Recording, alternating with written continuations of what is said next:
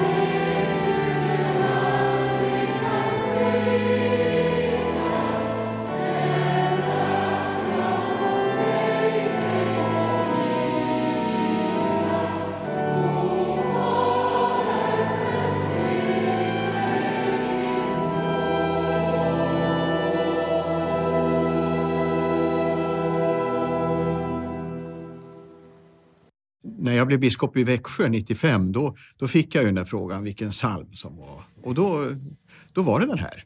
Eh, det var viktigt och det var en väldig styrka att ha den där med sig när jag kom till ett helt okänt land. Jag trodde jag hade flyttat mycket i mitt liv men jag insåg ju att jag hade ju bara rört mig längs Mälaren i stort sett. Och det var en stor skillnad att komma till Småland och få uppleva en levande kyrka där man eh, visserligen hade väldigt olika åsikter om mycket och kunde verkligen träta. Men var det någonting som förenade den så var det att man hörde till Växjö stift. Så det är så. Det ska då ingen förtycka. Så du har varit, man kan säga att du är uppvuxen i ett självmedvetet stift och du kom till ett självmedvetet Ja. stift också? Ja, lite annan modell. Det av lite annan modell, Ja, ja. Precis. Mm. Nej, men den, den där salmen var, var viktig för mig då. Och det, det var ju en, ett intressant stift att leva i därför att så många olika fromhetstraditioner möttes. Just det. I södra Kalmar län och i södra Kronobergs län så fanns det brännvinsglas i församlingshemmen för det skulle man ju ha till begravning. Och det var inte aktuellt i Jönköpings län. Och det var lite skillnad på vilka salmer som var gångbara. Ja. Eh, Naturligtvis. Det, väckelsetidens och den nya evangeliska väckelsens då, salmer var ju, och sånger var ju betydligt mera gångbara i det frikyrkliga och i det högkyrkliga områdena. Just Men inte i den gammalkyrkliga. Det var så, som Ja, ja. skillnad alltså? Ja, ja, det tyckte jag. Men Ja. det, man, ibland så ser man ju vad man vill se. Jo, det är klart. Ja, så är det. Eller vad man tror sig. Du har sagt en, en gång att det svåraste uppgiften du har haft, det var svårare att vara direktor på Ersta än att vara biskop i Växjö. Har du faktiskt sagt det? Ja, och det står jag nog fast vid. Att det, var ju, det var ju också så tidigt i livet. Jag var, inte, jag var 37 år eller sånt när jag kom hit.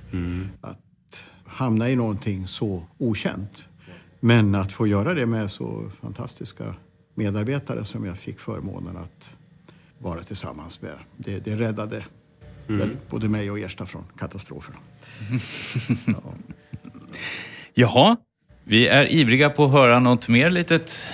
Ja, vi kan säga när, när jag sen blev ärkebiskop 2006 så ja, man har ju olika saker som ligger på ens hjärta när man får ett sånt där uppdrag. För mig var det nog väldigt viktigt att försöka öka förståelsen inom Svenska kyrkan för varandra. Inte bara mellan åsikter utan liksom att man begrep sig på i stiften vad man gjorde i församlingen. Och man begrep sig på på den nationella nivån vad man gjorde på stiften och, och i församlingarna och sådär. Och att de förtroendevalda och biskoparna kom närmare varandra. Så det var ju mycket sånt där inre arbete som inte syntes. Men ett eh, yttre satsning som jag fick vara med om var ju det här att jag ville försöka visa att religionerna kan ha ett bidrag eh, verkligen när det gäller vår respekt för det givna och det vi har att förvalta i form av det vi kallar naturen. Mm. Det var ju under min tid som det första klimatbrevet kom ut från biskoparna och jag fick också tidigt ordna en klimatkonferens med folk från alla möjliga religioner som faktiskt den har inte betytt mycket i Sverige men den har betytt rätt mycket internationellt och ekumeniskt. Man hittar de texter som jobbades fram inför det där mötet kan man fortfarande hitta spår av i, i, i många sammanhang. Och, och några påstår till och med i påvens encyklika Laudate Si. Det vågar jag inte säga men kul vore det om det var så. Får jag, Men då- får jag, ja, får, får jag, får jag, jag tycker det, jag- du vet att det här väcker minnen i mig, förstår du. Eh, att 1975 när du kom hem från Kyrkornas världsråd som ungdomsdelegat från Nairobi. då var jag i Västerås teologgrupp i, i Uppsala och satt vid dina fötter med, med många andra när du kom hem och, och berättade om Säkert. vad det, vad det innebar. Då, då, då ser man ju att det finns en linje i ditt liv också där. Eh, alltså i ditt, eh, både i ditt eh, teologistuderandeliv, i ditt ungdomsliv och hela din, hela din resa. Och nu när du också har doktorerat på Lutherhjälpen. Ja, ja, just det. Det här Ja. är internationella och att eh, yttre och inre förhållanden i människor hänger ihop. Det, det har varit centralt för mig. Nej, och då blev en psalm rätt eh, viktig för mig. Inte så att vi kunde sjunga den med buddisterna och hinduerna och muslimerna. Men den blev viktig i, i min reflektion. En av Per Harlings psalmer. 602. Just det. Så länge, Så länge solen... solen värmer jorden och kornet kan få gro. Så länge ögon ännu lyser av hopp och framtidstro. Så stiger vår lovsång till dig, Gud. Och vi sjunger halleluja. Så stiger vår lovsång till dig, Gud, och vi sjunger halleluja. Det är liksom så länge de här sakerna sker, då vet vi ju att Gud finns. Och det är Gud som verkar det och det vi, vi kan vara medskapare Och, och skapelse och frälsning, det är inte så långt emellan. Det Eh, det, det spelar inte ut dem mot varandra. Och sen så kommer på slutet, så länge barnen vågar hoppas på ett framtidsland, så länge blommor kan få knoppas i Guds skaparhand, så stiger vår lovsång. Så länge ljuset skingrar mörker, när ordet idag blir kött, så länge människan har värde och liv blir återfött, så stiger vår lovsång till dig Gud och vi sjunger halleluja. Det blev en viktig psalm för mig och är det sannerligen fortfarande. Även om jag kanske på senare år har tagit sett mycket av Ylva Eggehorns, den här När livet inte blir som vi har tänkt oss. Ibland blir det faktiskt mycket bättre också. Men, men där är en så, det är ju en sån jättebra formulering i den där vi ska springa fram mot nya möten och bli lurade. Minst, Minst en, gång till. Men tilliten som Kristus vunnit åt oss är större än all makt och ondska vill. Alltså detta att det är faktiskt en kristens uppgift att, att vara lite godtrogen. Jättebra. Att vara redo att bli lite bortgjord. Ja. Därför att vilken värld skulle vi annars få? Om alla bara var kalla och misstänksamma. Och sen i sista versen så är inte refrängen riktigt densamma. För där är det barnen.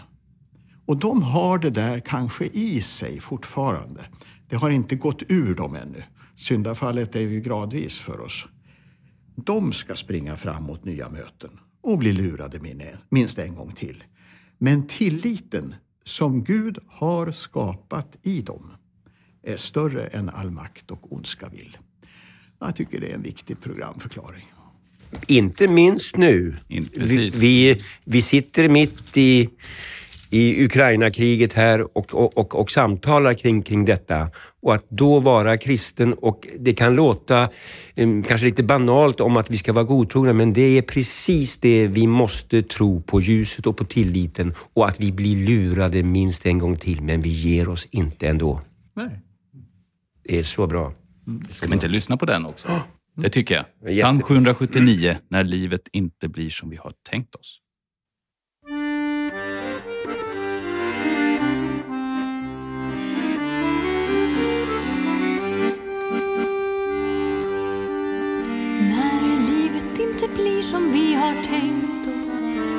Vad gör vi med vår bitterhet och skam?